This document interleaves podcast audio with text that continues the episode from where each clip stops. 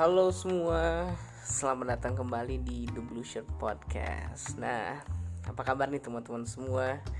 Gue berharap kita semua selalu diberikan kesehatan lah ya, apalagi di masa pandemi seperti saat ini gitu.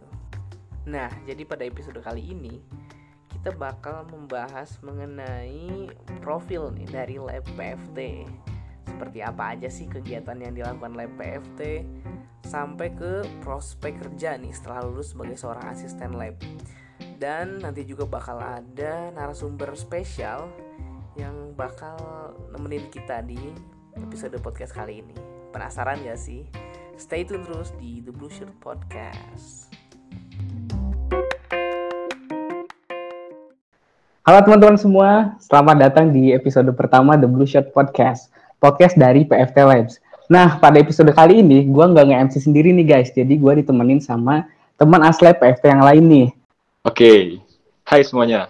Perkenalkan, nama gue Firan Sebastian. Di sini, uh, gue nemenin dari Radit sebagai MC dari PFT Labs periode 2020-2021 nih. Salam kenal semuanya. Alright, mantap Lan. Coba, uh, lu tuh di sini sebagai apa sih Lan di PFT Lab ini? Aduh, kan mancing-mancing. mancing apa? Oke oke, sekali lagi ya, uh, perkenalkan nama gue Fran Sebastian. Uh, pada kesempatan kali ini dipercaya sebagai koordinator asisten Lab PFT di periode 2020-2021 di. Oi, mantap banget nih, gaya banget gak sih guys? Ini langsung kok koren yang langsung MC nih ngeri gak sih? Enggak dong, biasa aja biasa aja, semuanya sama kok. Wah, bisa aja deh. Oke siap. Nah jadi pada episode kali ini kita mau bahas apa sih, Lan? Oke, pasti teman-teman semua pendengar setia The Blue Shirt Podcast yang udah nunggu-nunggu nih episode konten pertama dari The Blue Shirt Podcast ini. Sebagaimana yang udah diceritain di waktu di pembukaan The Blue Shirt Podcast itu ada segmen-segmen nih konten yang bakal dibahas di podcast kali ini. Nah, Tuh. khusus untuk pada episode konten podcast pertama ini, kita akan ngebahas seputar profil dari Lab PFT nih, Dit. Tentang lab ini tuh hmm. ngebahas keilmuannya tentang apa aja sih terus terus juga ada ruang lingkup dari lab DFRI gimana pokoknya seputar lab PFT dong dit jadi uh, kita bakal hmm. ngasih gambaran melalui podcast ini baik teman-teman seangkatan hmm. ataupun adik-adik tingkat kita yang nantinya bakal uh, mendapatkan praktikum atau bahkan calon-calon dari yang berminat menjadi keluarga PFT terlebih juga kita mungkin uh, hmm. bisa sampai keluar uh, secara umum ya iya, iya. ini bisa terkenal. Hmm. Amin. Benar banget nih Lan. Jadi kita berharap nih dengan adanya podcast ini bisa jadi salah satu media untuk nyampein informasi yang bermanfaat dan segala yang ada di dalamnya nih pas seputar Lab PFT. Nah, pada episode kali ini kita kedatangan tamu spesial nih Lan.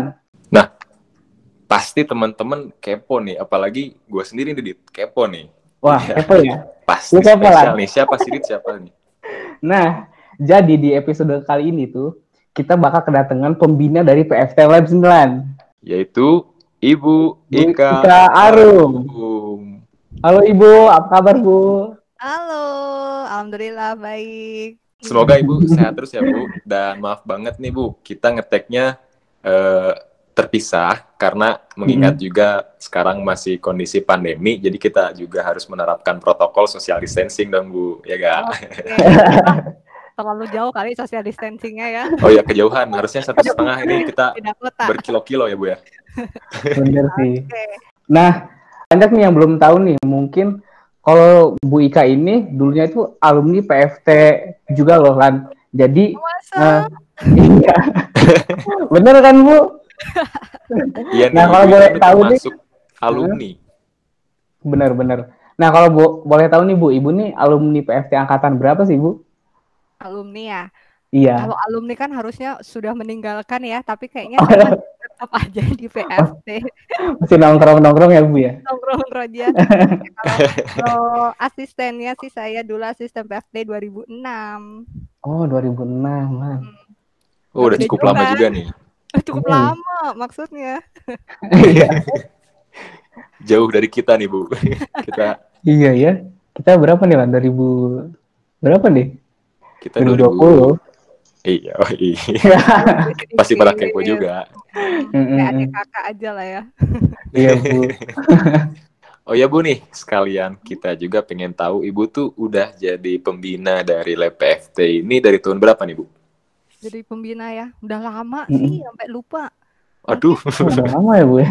Mm, 6 tahun, 7 tahun sejak saya bergabung Wow. di FRI, memang saya diamanahkan untuk menjadi pembina di Lab PFT. Gitu. Oh, oh itu langsung diamanahkan gitu ya bu ya? Iya. Iya, ya, kayak langsung berpulang gitu ke PFT tapi sebagai pembina. Aduh. iya langsung dikontrak Ibu setelah lulus langsung kontrak. Aku sih yes kata dari FRI-nya langsung Ibu deh. Nah, Ya, ya. nih kan. Asik banget nih. Kayaknya begitu sih. Nah ini dengar-dengar juga nih Firlan katanya mau jadi pembina juga nih bu. Oh iya, boleh lah. Oh iya siap, langsung Bener langsung langsung Dit, langsung Dit. Lah Oke. Beres lulus langsung. Iya.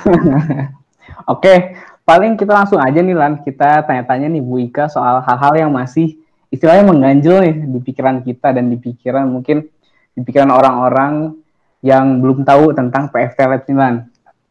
Oh iya, langsung dong kita buat teman-teman semua terjawab. Hmm, Langsung Lan.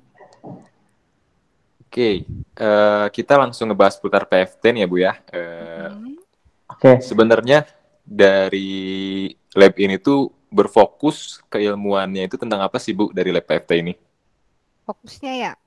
Kalau fokus ke ilmuwan, kita itu tentang perancangan tata letak fasilitas. Jadi layouting ya, cuman untuk Mm-mm. lab PFT sendiri itu fokusnya ke perancangan pabrik. Jadi lebih ke manufaktur arahnya untuk sekarang. oh lebih ke manufaktur ya Bu ya. Hmm, karena di- kalau dulu itu kita arahnya ke telekomunikasi. Gitu. Jadi eh, dulu itu PFT kayak misalnya penempatan BTS itu ditaruh mana? Oh, Oh, BTS tahu kan? iya Bu, iya yang yang Bukan buat pemancar. Iya, ya. iya Jadi, beda itu ya. Iya, eh, iya. terus nanti kita ngitung coverage areanya itu berapa. Jadi kita eh, gimana ya Oh. cara nempatin BTS biar nggak ada blank spot gitu. Oh, Dulu cukup gitu. panjang juga nih sejarahnya nih. iya iya. iya. Oh, terus kita eh, belajar juga tentang jaringan, terus kita ada Mm, hitung-hitungannya, cara menghitung dan sebagainya. Nah, cuman sekarang kita arahnya ke manufaktur. Gitu. Oh, iya Bu. Nah itu bisa berganti gitu kayak gimana Bu ceritanya Bu dari sebelumnya eh, telekomunikasi akhirnya ke manufaktur dan pabrik gitu. Oke, kalau pergantian itu kita secara menyeluruh ya karena kurikulum, karena kita kan kalau eh, di tempat kuliah kita ngikut dari kurikulum dari BKSTI Mm-mm. karena kita di teknik industri. Terus kita juga ngelihat dari kebutuhan industri itu apa gitu. Jadi arahnya ke mana buat sekarang. Jadi kita rancang untuk konten-konten yang ada di lab FRI gitu ya, secara semuanya konten semua semuanya itu disesuaikan dengan kondisi yang ada. Itu jadi akan ada perubahan dan Oh. update materi. Oke, berarti emang bener lab ini tuh up to date banget, Didit. Berarti yang kita tangkep eh, Iya. lab PFT ini entah ke depannya semakin advance di manufaktur atau mungkin Hmm. nanti ke depannya kolaborasi sama telekomunikasi lagi gitu ya Bu ya. Hmm. Betul, betul. Jadi istilahnya mah ini kali kan kayak mengikuti kebutuhan industri gitu keinginan industri ya nggak sih Lan? Iya. Ya betul banget, Dit. Menyesuaikan lagi. Banget. Seru banget sih. Nah, oke Asli. lanjut kali ya buat pertanyaan selanjutnya. Mm-mm. Mungkin masih banyak yang belum tahu nih, Bu, Mm-mm. tentang fungsi dari sebuah laboratorium yang ada di FRI. Ini apa? Nah, sebenarnya itu apa sih Bu fungsi dari lab di FRI ini tuh secara keseluruhan? Secara keseluruhan ya. Jadi untuk laboratorium sendiri sebenarnya fungsinya kita barengan sama perkuliahan. Jadi saling Mm-mm. support. Kalian dapat teori ya di perkuliahan, kalian dapat teori, terus teori ini kalau mau diaplikasiin itu kayak apa ya? Kalau kita mau eh, diterapkan di study case tertentu atau gimana sih cara pakai tools-toolsnya? Nah, itu dicobanya di praktikum gitu. Oh jadi itu Oke, Soalnya Dit. teori doang kan, cuman teori-teori tapi Iya, kan iya. cobain. Nah, gitu. Jadi cara pakainya penggunaannya itu di Mm, mm, mm. Nah, Gitu. itu Dit. Jadi sekalian Iya, iya. informasi juga nih buat teman-teman yang pendengar setia The Blue Shirt Podcast. Jadi di asik. Telkom University khususnya di Fakultas Rekayasa Industri itu nggak hanya mengajarkan secara teori di kelas aja, tapi kita juga Benar bakal di, diikut sertakan secara langsung di praktek, yakni di lab-lab yang ada di FRI. Betul. Mm, mm, mm, mm. Nah, kalau misalnya kita teori aja kan ini ya Bu ya kayak belum tentu yang kita pelajarin itu di kelas itu belum tentu nyantol nanti pas udah prakteknya ya kan Bu. Makanya difasilitasi dengan adanya lab ini biar eh, istilahnya nyobain eh, apa ya praktis yang bener gitu, yang kayak di industri itu seperti apa gitu. Hmm, Iya. Terus Keren kita ya, sih. kita kan di labnya gini ya, eh, nggak cuman berdiri sendiri, nggak berdiri sendiri-sendiri labnya. Jadi kalian kan selama dari masuk tuh, dari masuk ya, kalian masuk, kemudian ada praktikum di lab tertentu, di tingkat dua Mm-mm. juga praktikum, tingkat tiga itu sama temanya. Jadi misalnya kita lagi mau bikin produk gitu ya, produk A, Mm-mm. maka semuanya dibahas gitu.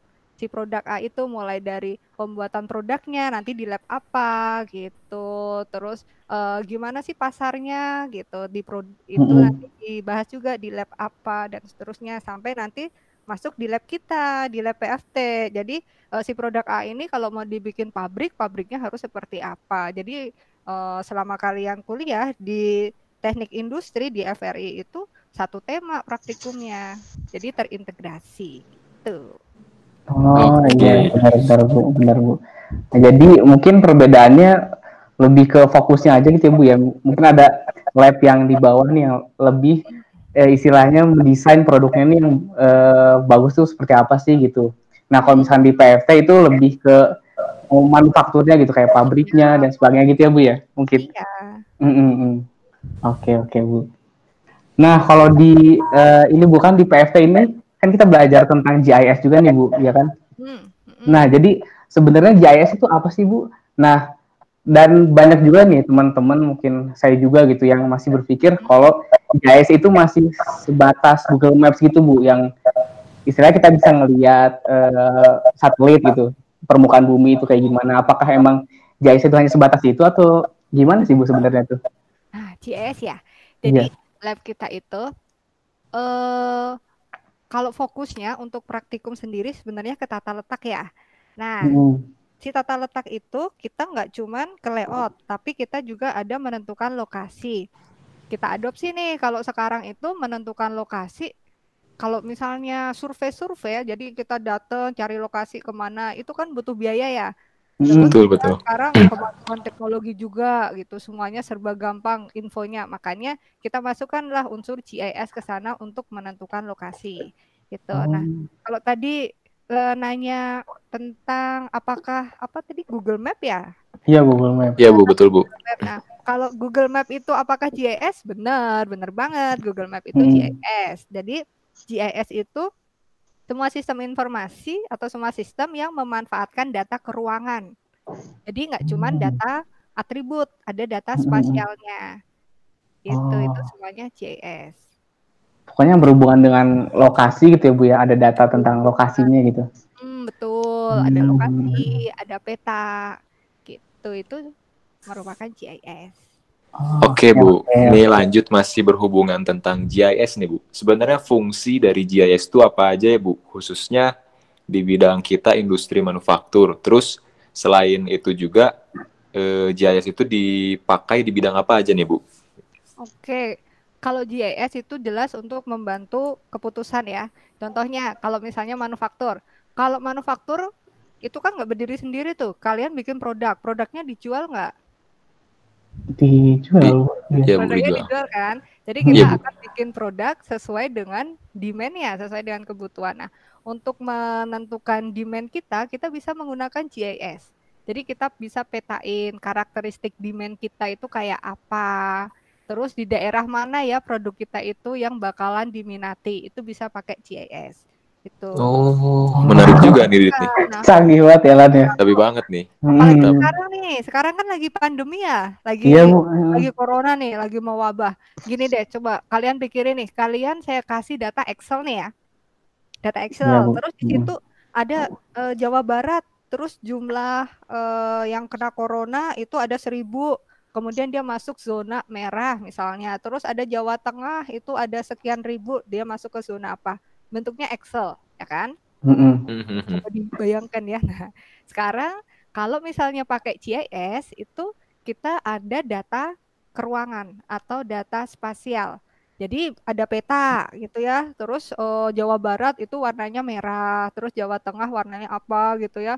Terus dari situ kalau diklik terus ada tulisannya nih informasinya ada sekian yang kena corona, ada uh, sekian-sekian informasinya. Kira-kira gampang yang mana? Yang ya, udah udah berbentuk visualisasi itu, peta visual sih. Itu, nah, yang bentuknya petanya kan? Betul. Jadi fungsinya itu pakai GIS berarti memberikan kemudahan kepada kita untuk hmm. menyajikan informasi. Selain itu kalau misalnya nih kita mau ngambil keputusan juga lebih cepat kan? Mana ya betul, yang betul. harus uh, uh, saya mau PSBB nih. Kalau saya pakai data Excel harus cari satu-satu kan? Iya. Oh, harus klasifikasiin lagi. Uh, yang jumlahnya sekian harus uh, kita mau PSBB kalau misalnya termasuk zona hitam kita harus search dulu ya yang zona hitam. Yeah. Nah, kalau ini pakai GIS kan terlihat oh daerah sini nih uh, ini zona hitam jadi PSBB di sana dan sebagainya. Jadi lebih memudahkan membantu membuat keputusan. Oh, Oke. Okay. Ya. Canggih ya. Seru banget GIS tuh. Jadi ini tuh bisa istilahnya fleksibel gitu bu ya bisa diterapin di bidang apa pun gitu JIS ini sebenarnya bu Iya karena dia mm. termasuk support system mm -hmm. itu di GIS bisa di mana aja nah benar bu okay. nah terus saya juga pernah ini bu pernah ikut training dari Esri bu nah jadi waktu itu ada materi tentang nentuin tempat paling strategis buat ngebangun kayak semacam kantor cabang itu bu dari sebuah bank nah oh, itu ya. bisa sampai kayak gitu ya bu kayak nentuin dia tuh lokasi yang cocok tuh yang mana berdasarkan kota geografis, demografis, bisa kayak gitu ya Bu ya? Iya, nah itu uh, untuk GIS sendiri memang Esri sekarang yang pegang ininya ya, uh, license-nya juga mm -hmm. dan penggunaannya lebih mudah yang dari produk dari Esri itu. Ya, memang GIS bisa sepowerful itu gitu. Mantap. Jadi buat teman-teman semua nih yang belum tahu GIS, langsung aja berangkat meluncur searching tentang GIS itu apa. Dan pelajarin ya nggak dit? Ya nggak iya. Soalnya emang keren banget sih kayak berguna banget itu buat kehidupan kita gitu dan buat bantu-bantu istilahnya ngambil keputusan di bisnis gitu. Ya kan kayak betul banget betul banget. keren banget sih keren. Oke nah sekarang eh, peralihan nih. Tadi kita udah bahas GIS sekarang kita pengen kepoin PTLF atau PTLF. ya PTLF ini kan perancangan hmm. tata letak dan fasilitas ya Bu ya. Nah sebenarnya objek dari PTLF ini tuh apa sih Bu? Uh, apa itu di rumah, gedung, atau apalagi Bu sih dari objek uh, pengembangan ilmu PTLF ini? Oke, untuk objeknya kalau secara keilmuan itu menyeluruh ya, jadi semuanya bisa kantor juga bisa. Kemudian saya pernah baca itu ada yang uh, tata letak di kabin pesawat. Waduh, baru lagi nih. Kabin pesawat. Kabinnya di harus seperti apa gitu ya uh, tata letaknya, layoutnya. Terus ada juga di ini dapur pesawat juga ada. Oh. gitu ya. Oh. itu gitu ya yang kita pikir eh ini mah kok gitu aja gula mah di sebelah sini. Ada sampai bikin uh, tata letaknya, kemudian uh, nggak cuman itu, jadi jadi uh, global, nggak cuman di pabrik aja bisa hmm. semuanya menentukan uh, tadi ya ada fasilitas-fasilitas umum atau apa aja bisa gitu. Hmm, oke okay, oke. Okay. Benar juga nih. PTLF berarti emang uh, kalau di lab itu lebih fokus ke manufaktur, tapi mm sementara PTLF ini sebenarnya pengembangan secara keilmuan itu menyeluruh juga ya Bu ya? Betul. Kalau di lab memang kita uh, yang kita oprek hanya untuk pabrik, manufaktur, tapi ilmunya itu bisa diterapkan di semua fasilitas. Iya Oke. Okay. Soalnya Sampai saya ini... Ya gimana gimana langsung gimana? Eh, jadi bentrok. Semangat banget nih kamu kayaknya lah. Ya. Aku kepo dit. jadi gini Bu, pengen pengen masih kepo nih biar teman-teman di pendengar setia ada Blue Shirt Podcast juga tahu nih. Mm. Sebenarnya dari udah penjelasan Ibu tadi tentang PTLF ini menyeluruh, berarti eh, sempet pasti teman-teman kepikiran kenapa sih eh, dari suatu bangunan atau fasilitas itu perlunya eh, penataan letak dari suatu fasilitas itu sebenarnya Mm-mm. sekrusial apakah dari PTLF itu, Bu? Oke, kalau itu ya, kalau untuk pabrik dulu ya, kenapa kita harus ada tata letak ya kalau untuk pabrik nih? Kalau untuk pabrik biar flow dari materialnya lancar. Jadi kalau flow, Flow material lancar itu mendukung sistemnya biar line balancing, jadi nggak ada bottleneck dan sebagainya. Itu Hmm. karena kita juga nentuin tuh mau layoutnya tipe apa gitu biar sesuai sama produk yang dibuat.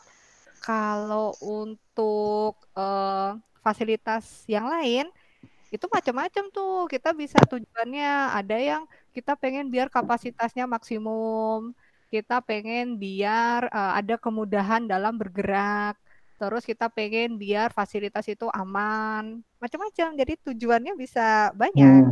Hmm. dalam Oke. manfaatnya juga banyak. Kita rancang tata letak fasilitas yang baik. Oke, Bu. sama ini bu ya kayak eh, beda eh, tergantung objeknya juga gitu. Kayak eh, PTLF ini misalkan kita ngerancang sebuah pesawat gitu. Dengan ngerancang istilahnya pabrik yang dia memproduksi mie instan. Nah itu pasti layout layoutnya juga beda ya bu ya? Kayak beda dong. mm-mm. beda. Untuk manufaktur untuk jasa itu juga beda. Iya sih iya betul bu. Oke. Nah, ini sebenarnya masih berhubungan dengan fungsi sebuah lab gitu, Bu. Nah, jadi selain kita memberikan praktikum gitu, si lab ini memberikan praktikum, sebenarnya ada kegiatan apa lagi sih, Bu, di sebuah lab di FRI itu gitu? Oh, Terutama di PFT gitu, Bu, iya. oh, saya ceritanya PFT aja ya Iya. Oke, Bu. saya tahu ya saya tahu nih wah kalau di PFT banyak dong kita selain praktikum kita ada riset terus kita ada kunjungan industri juga ada yang setiap Mm-mm. tahun ya kita ada pelatihan kita ada seminar gitu banyak banyak itu yang yang rutin setiap tahun Mm-mm. Nah, itu Ada yang benar lain banget sih, Bu. Kayak waktu itu kan pas aku masih jadi Ergengs nih, Bu. Waktu masih jadi riset grupnya PFT kan waktu itu pernah ini Bu kayak ke Unilever gitu. Jadi kita ngelihat gimana sih proses produksi kecap di Unilever gitu-gitu, Bu. Jadi ya asik sebenarnya Bu ya, kayak banyak kegiatannya gitu. ya seru kan waktu itu ke mana gitu ya gitu ya Ke jalan-jalan juga Bu. Jadi abis dari pabrik Unilever gitu yang di Cikarang kita kayak makan ke sate Marangi juga gitu, Bu. Kalian jalan-jalan juga. orangnya ya Iya. Aduh, sate Marangi.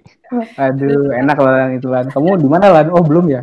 Aduh, Ya ampun, Radit, kirain kamu teh inget waktu di Unilever, pabriknya apa, Ih, sate Marangi yang dia inget. Bisa aja. Nggak daftar. oh iya Iya, iya. nih, buat adik-adik kelas juga nih, coming soon ya, ditunggu aja. Hai, mantap. Oke, lanjut nih Bu. Eh, kita udah bahas eh, kupas tuntas tentang GIS, eh, terus juga PTLF, terus juga terutama lab PFT-nya secara garis besar itu profilnya seperti apa.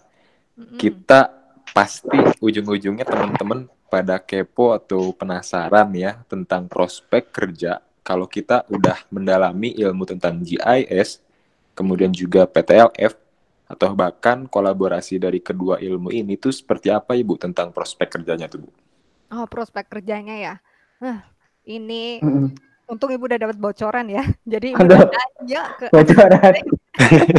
Dapat bocoran. Jadi ibu ini nanya biar biar langsung kalau ibu yang ceritakan, ibu nggak nggak sekarang ibu nggak di industri ya, ibu kan sekarang di eh, kampus gitu. Nah ini langsung nih ya, ini dari kakak-kakak asisten PFT ini yang lulus eh, setahun yang lalu berarti, yang masih fresh aja yang ibu tanya nih. Oke Bu, boleh boleh Bu, aja lah ya. boleh Bu banget boleh banget. Banyak nih yang bales, yang asisten-asisten yang sebelum-sebelumnya juga banyak yang bekerjanya ada kaitan dengan eh, materi PTLF maupun CIS. Tapi ini Ibu eh, nanya sama yang fresh aja yang baru lulus tahun yang lalu. Nih ada dari Bang Atep nih. Hmm, maaf ya. Oh, Bang Atep, aku tahu aku tahu. Oh, tahu. ya, jadi eh, Bang Atep ini saat Ibu tanya ya tadi kan tanya kalian kerja eh, kepake nggak tuh yang dipelajarin waktu di lab? Nah, Bang Atep nih bilangnya. Eh nih, manfaatnya tuh Bu bisa lebih tahu dan nyoba duluan sebelum ke industri kerja.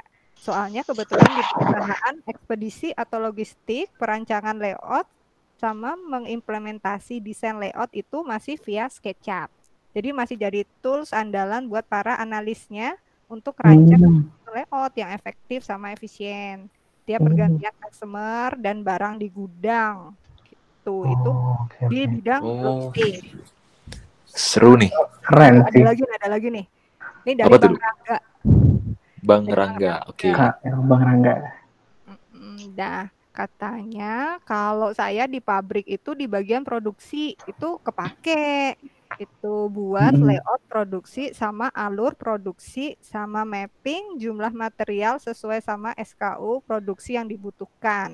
Jadi dia kepake gitu ya untuk PTLF-nya. Hmm, Nah, jadi bantu-bantu ngerancang layout juga gitu Bu ya? mm, mm. Oh, oke. Ini Seru biasanya sih. bagian logistik, bagian kerja, bagian produksi. Tapi nggak cuman itu loh. Eh, ini juga ada dari ini Bang Adim nih. Kalau Bang Adim kan dia Hmm. Entrepreneur tuh, dia pengennya usaha, Oh, mulai usaha ah. sendiri. Nah, itu gimana Bu kalau dari sudut pandang pengusaha? Dari pengusaha nih. Jadi Bang Adim ini dia punya usaha, punya eh, peternakan. Nah, dia cari lokasinya, nentuin lokasi, dia menggunakan GIS. Jadi dia cari Wow. dulu lokasinya yang wow. mana gitu. Habis nentuin lokasi, terus dia ngerancang layoutnya pakai PTLF. Gitu. Oh, Gede iya. loh, kemarin kirim foto ke ibu. Ini Wah, boleh banget saya, sih. hmm, dirancang pakai PTLF katanya. Keren sih, keren sih. Keren, keren, Hal keren. yang nggak Iya. terpikirkan pun bisa Hmm. disusupi oleh ilmu GIS dan PTLF. Iya bisa, apalagi kalau yang berminat banget kerja di konsultan. Aduh, kalau konsultan itu Hmm. eh, kepake banget. Eh, ada juga alumni PFT yang dia itu di konsultan untuk perbaikan jalan.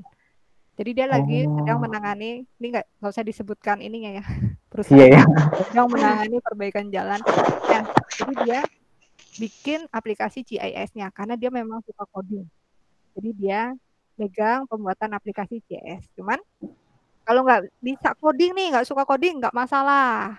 Jadi GIS itu nggak eh, harus bisa coding. Tuh. Oh, iya, Oke, iya. Bu. Dengan merancang sistem itu juga udah eh, merancang sistem GIS itu juga terpakai gitu sebagai analis dan sebagainya. Jadi nggak harus yang eh, bisa coding untuk GIS. Oke. Nah, nih Hmm, hmm. setelah kita denger dari prospek kerja pengalaman kakak-kakak alumni dari Lab PFT khususnya yang udah dapet ilmu GIS sama PTLF eh, udah kejawab sebenarnya prospek kerjanya tuh eh, apa aja di bidang apa kayak misalnya lebih banyak di bidang Mm. produksi terus juga bahkan hingga masuk ke ranah entrepreneur pun GIS PTLF eh, itu Berguna ya. dilibatkan. Nah, Mm-mm. Betul. Eh, berdasarkan pengalaman Filan juga nih Bu dan teman-teman asisten lainnya Radit dan teman-teman Mm-mm. berarti eh, buat gambaran juga sebenarnya buat teman-teman yang ngedengerin jadi PTLF itu juga selama praktikum banyak hal ilmu yang benar-benar emang tadi sejalan dengan apa yang dibutuhkan di lapangan di pabrik kayak misal kita lab di lab itu mempelajari tentang eh, pemilihan lokasi ketika kita hendak membangun suatu fasilitas menggunakan eh, GIS dan metodenya itu ada factor rating kalau yang waktu di awal-awal itu Hmm, benar tuh Nah, faktor kita- itu. Kayak mempertimbangkan lokasi yang mana dari beberapa alternatif. Misal kita nggak diberi alternatif itu ada tiga alternatif di lokasi A, B, C. Nah itu di, di lab PFT ini kita bakal bisa menentukan dari tiga alternatif eh, lebih baik menggunakan alternatif yang mana untuk penempatan lokasi. Nah setelah lokasi terpilih, baru kita nanti bakal merancang layout berdasarkan produk yang akan diproduksi. Terlebih juga sebenarnya insight yang kita dapat sebagai asisten selama eh, mengalami praktikum lab PFT itu di mana kita merancang eh, seperti halnya tumpukan raw material yang akan dibawa dari Hmm. workstation A ke workstation B itu gimana supaya tumpukannya optimal, meminimalisir waktu, kemudian juga sekali jalannya itu ketika kita menggunakan alat ya ini namanya material handling itu bakal ngebawa Hmm. raw material harus berapa dulu baru dibawa ke WS selanjutnya seperti itu. Dan terlebih kita juga outputnya tidak hanya eh, berbentuk layout yang meminimalkan jarak, tapi juga memini- Hmm. meminimalkan biaya yang akan timbul dari operasional eh, ketika proses produksi itu berjalan. Dah, tadi juga udah kejawab ternyata ilmu yang kita dapatkan ini nyambung nih sama pengalaman-pengalaman dari kakak-kakak alumni kita, teman-teman. Di mana mereka akhirnya ilmu yang didapatkan dari lab PFT ini bisa diimplementasikan bahkan membantu perusahaan yang mereka sekarang kerja. Alhasil Mm-mm. kita di lab PFT ini pastinya ilmunya bakal kepake banget dan seru banget sih buat menangani hal-hal krusial seperti itu apalagi berbicara biaya bener gak Dit? Bener bener. Apalagi kan kalau misalkan kita masih praktikum, kayak sebenarnya kita belum eh, apa ya di dunia nyatanya tuh sebenarnya masih belum kebayang juga nggak sih Lan kayak gitu sebenarnya buat apa gitu. Dengan adanya tadi pemaparan dari Bu Ika gitu tentang alumni yang udah bekerja, jadi kayak apa ya istilahnya kayak semakin ngegambarin gitu nggak sih Lan? Jadi kayak itu sebenarnya buat apa gitu dan benar-benar nyata gitu Eh, fungsinya tuh sebenarnya buat apa gitu. Betul banget Dit. Mm-mm. Oke. Makanya undang podcast dong ya. Betul banget. Pokoknya Boleh banget bu. Lagi nanti diundang podcast ya alumninya. Boleh, Nah, betul. Iya, Pokoknya iya. stay tune di The Blue Shirt Podcast aja ya Bu ya. stay tune terus guys. Oke, pokoknya bakal ada konten-konten menarik apalagi seputar lab PFT. Nah, sekarang Hmm. kita udah kupas tuntas profil tentang PFT serta keilmuan-keilmuan sama lab-lab eh, fungsi dari lab di FRI. Nah, sekarang kita masuk ke hal-hal lebih ke pengalaman nih, Bu. Hmm. Eh, dari sudut pandang Ibu Ika juga eh, sebagai alumni. Nah, pertanyaan pertama itu apa hal yang paling berkesan waktu Ibu jadi asisten lab PFT? Wah, hal paling berkesan ya. Berkesan, Waktu dulu Ibu. ya, jadi Iya. asisten ya. Wah, belum di briefing nih. Apa ya? Yang berkesan tuh eh dulu mah jadi asisten tuh kayak keren gitu nggak sih? Wah, bet- Ada ada pride tersendiri sih bu. Ya. Heeh. ya kalau yang berkesan udah agak lama banget ya, jadi lupa nih ibu nih. Hmm. Eh, kalau yang jelas sih waktu masuk ke lab itu hawanya itu berbeda. Maksudnya ibu kan ya punya teman ya waktu zaman kuliah kita punya teman, tapi begitu Mm. masuk lab karena mungkin sering lebih sering sama anak lab juga ya, udah kayak jadi keluarga gitu. Wah. Jadi kayak keluarga kayak kita ada kesusahan apa tuh uh, saling bantu gitu, saling care gitu. Iya, iya. kebersamaan lah Ibu ya, Ya, kekeluargaannya. Iya, kalau eh, untuk ngajar, maksudnya sebagai untuk jaga praktikum ya banyak sih waktu dulu itu cerita-cerita, ada cerita yang ada praktikan yang begini, begitu kan beda-beda macam-macam. Banyak banget karakternya gitu ya bu ya dari yang Ah, banyak Mm-mm. banget karakternya gitu. Oke. bener banget bu. Nah terus eh mau nanya ini bu, kayak pelajaran apa sih atau hal apa yang ibu dapatkan nih selama jadi eh, asisten dari lab PFT ini bu? Hmm, pelajarannya ya. Banyak banget kan bu, kayak lu banyak banget. Nah, betul. Apalagi Ibu udah berkecimpung di lab berapa lama ya kan? Bener Pasti banget. ada hal pelajaran. Ya, kalau dulu eh Ibu di lab PFT, kalau nggak salah ya Ibu, lupa juga. Kayaknya sih Ibu TA-nya juga GIS waktu itu. Wah, seru banget. Waduh. Nah, Ibu TA-nya Keren. GIS.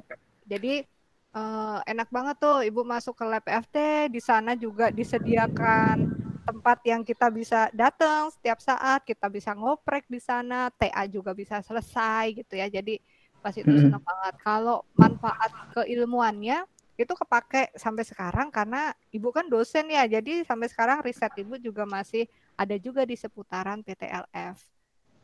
Oke. Ya, Udah pokoknya PTLF sudah menjadi expertnya Ibu lah Ibu ya. Mendarah daging.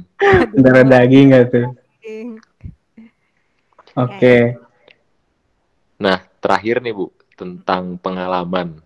Eh, sebenarnya eh, lebih ke pendapat Ibu dan apa yang kami butuhkan dari teman-teman asisten sih.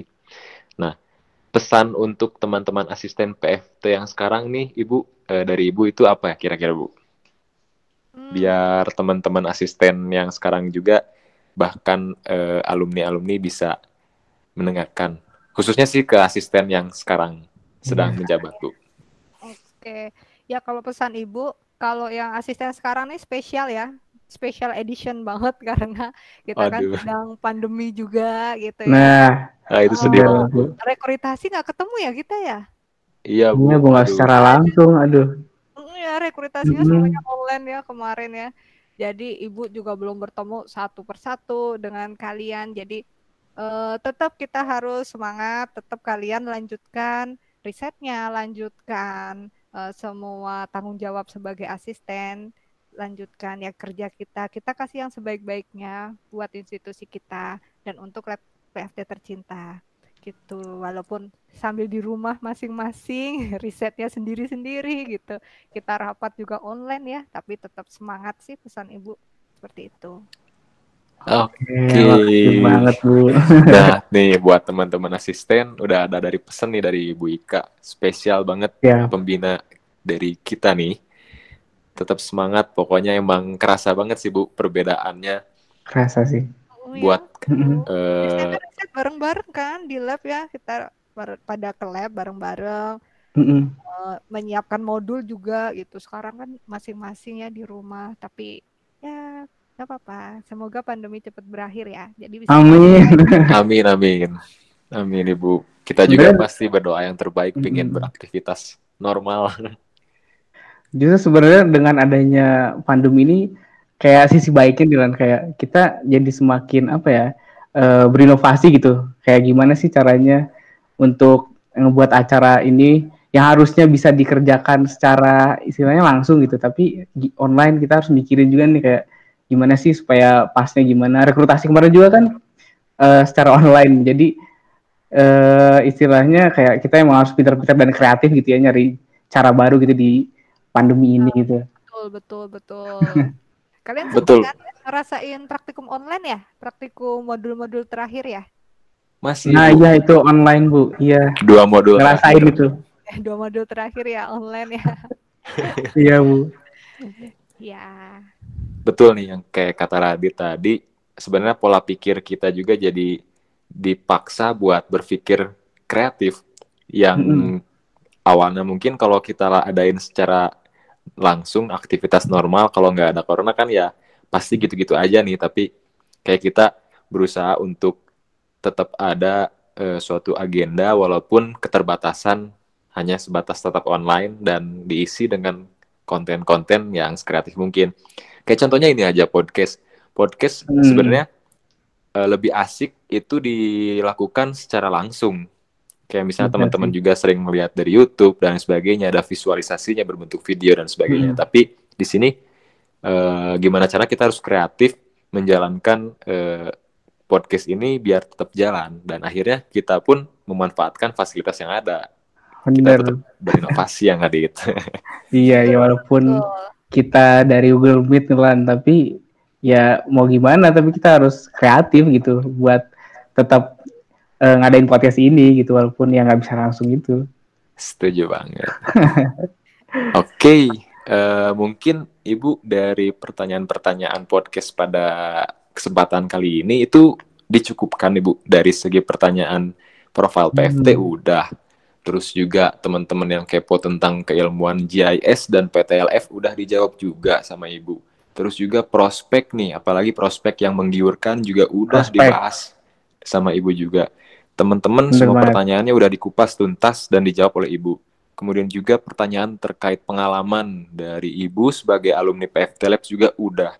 Banyak hal yang kita pasti dapetin dari pengalaman dan pengalaman Ibu, khususnya teman-teman asisten yang sekarang menjabat, perlu diingetin lagi tentang pesan yang udah Ibu sampaikan. Oke, teman-teman semuanya.